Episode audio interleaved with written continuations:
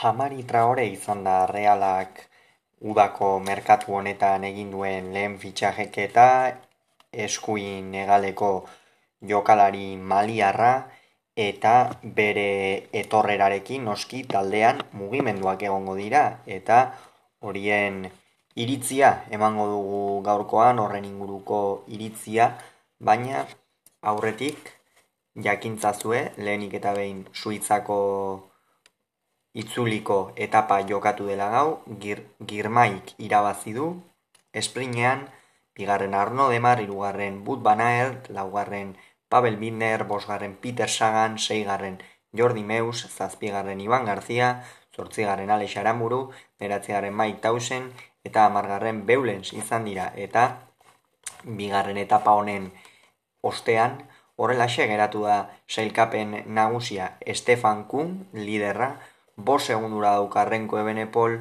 seira, but banaert, amaikara, Sheffield, amazazpira, Price Perreten, emeretzira, Eskelmos, hogeira, Biseger, hogeira ere, Mateo Sobrero, hogeita irura Asgren, eta hogeita bostera, Juan Ayuso, lehen Euskalduna, Jon Izagirre da, amaika garren, hogeita zazpi, segundura.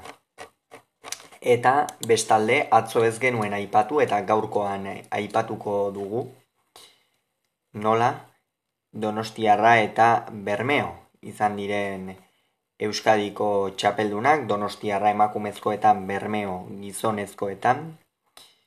Emakumezkoen proba Donostiarrak irabazi du Orio izan da bigarren gero Arraun lagunak eta jarraian tolosaldea ondarribia kaiku ondarroa eta deusto izan dira. Urdai baik irabazi du berriz gizonezkoetan, amabo segunduko aldea atera dio ondarribiari, hogeita zazpi zierbenari eta jarraian donostiarra, lekitxarra, santurtzi, lapurdi eta San Juan sailkatu dira.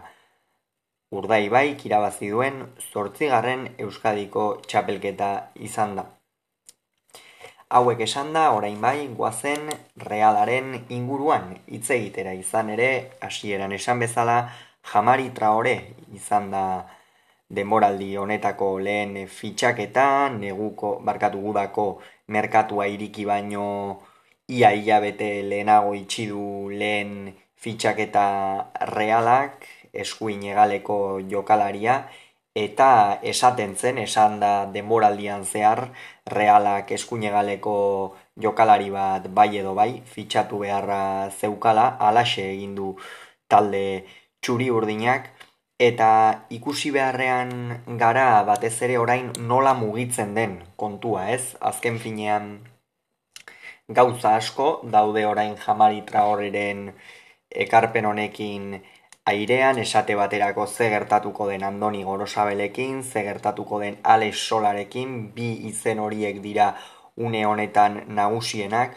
badakigu udako merkatua oso luzea dela eta mugimendu asko asko egon oi direla, Álvaro Odriozolaren ekarpenaren zurrumurroa ere hor dago, eta hemen, ba, bueno, gure iritzia ere emango dugu pixka bat. Izan ere iritzia emateko lehenik eta behin ikus ditzagun aurten gorosabelek eta solak izan dituzten estadistikak lehenik eta behin Andoni Gorosabel.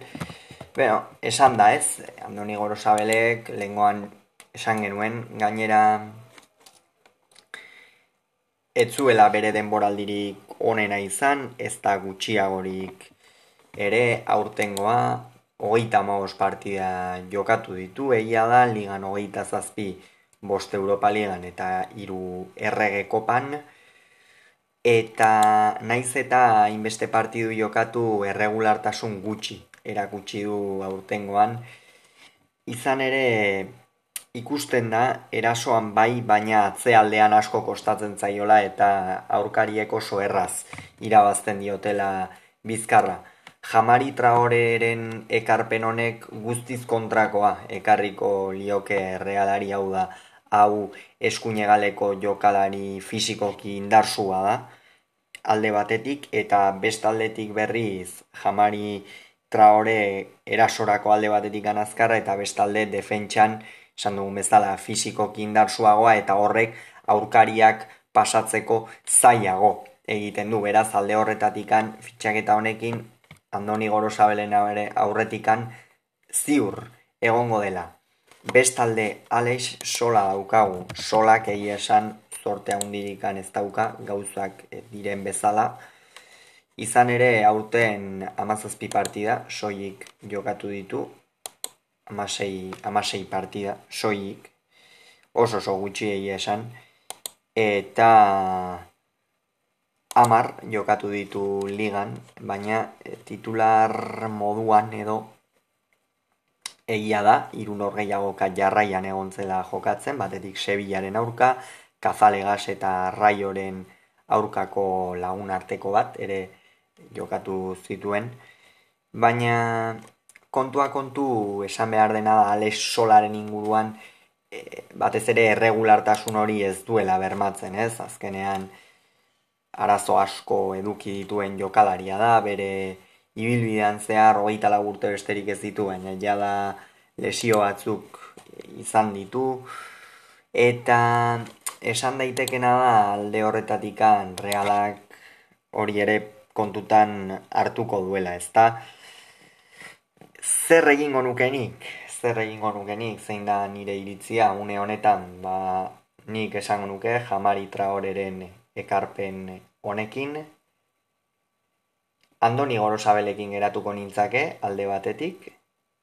Eta Aleix sola berriro ere utzita eramango nuke. Zergatik Aleix sola utzita eraman? alde batetikan esan dugun bezala ez duelako erregulartasun hori eta erregularki jokatzen hasi behar duelako talde batean eta bestalde batetik berriz Andoni Gorosabel eskuine galeko jo, ordezko jokalari bezala egoki ikusten dut, baina egia da Álvaro Odriozolaren fitxaketa gauzatzen bada, une honetan gauzak oraindik ere aukera hori irekia dago, baina oraindik ere ez dago ezertxo ere e, bai estatua.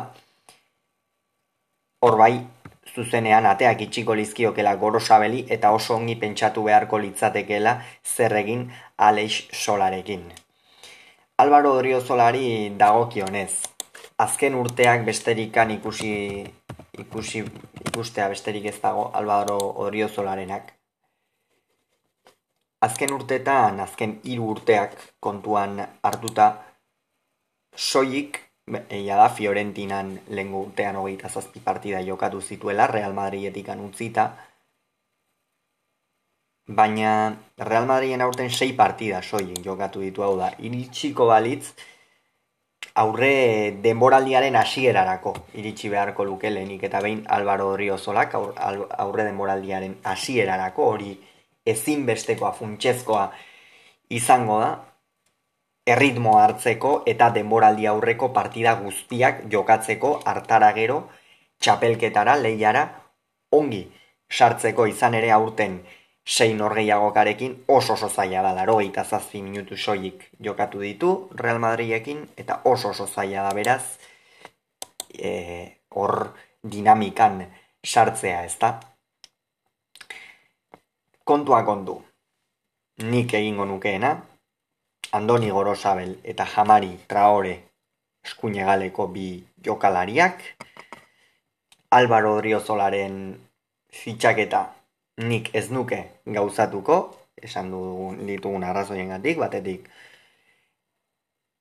ez duelako erritmoa, txapelketako erritmoa, eta bestaldetik berriz, asko komentzitzen ez nauen jokalaria delako, batez ere, atzealdean. Aurrealdean bai, erasoan eman dezake, baina atzealdera jaistea kostatzen zaio eta realak hain justu ere guztiz kontrako zerbait. Behar du eta beraz beste aukera batzuk merkatuan bilatzen hasi behar duela iruditzen zait Roberto Olabek.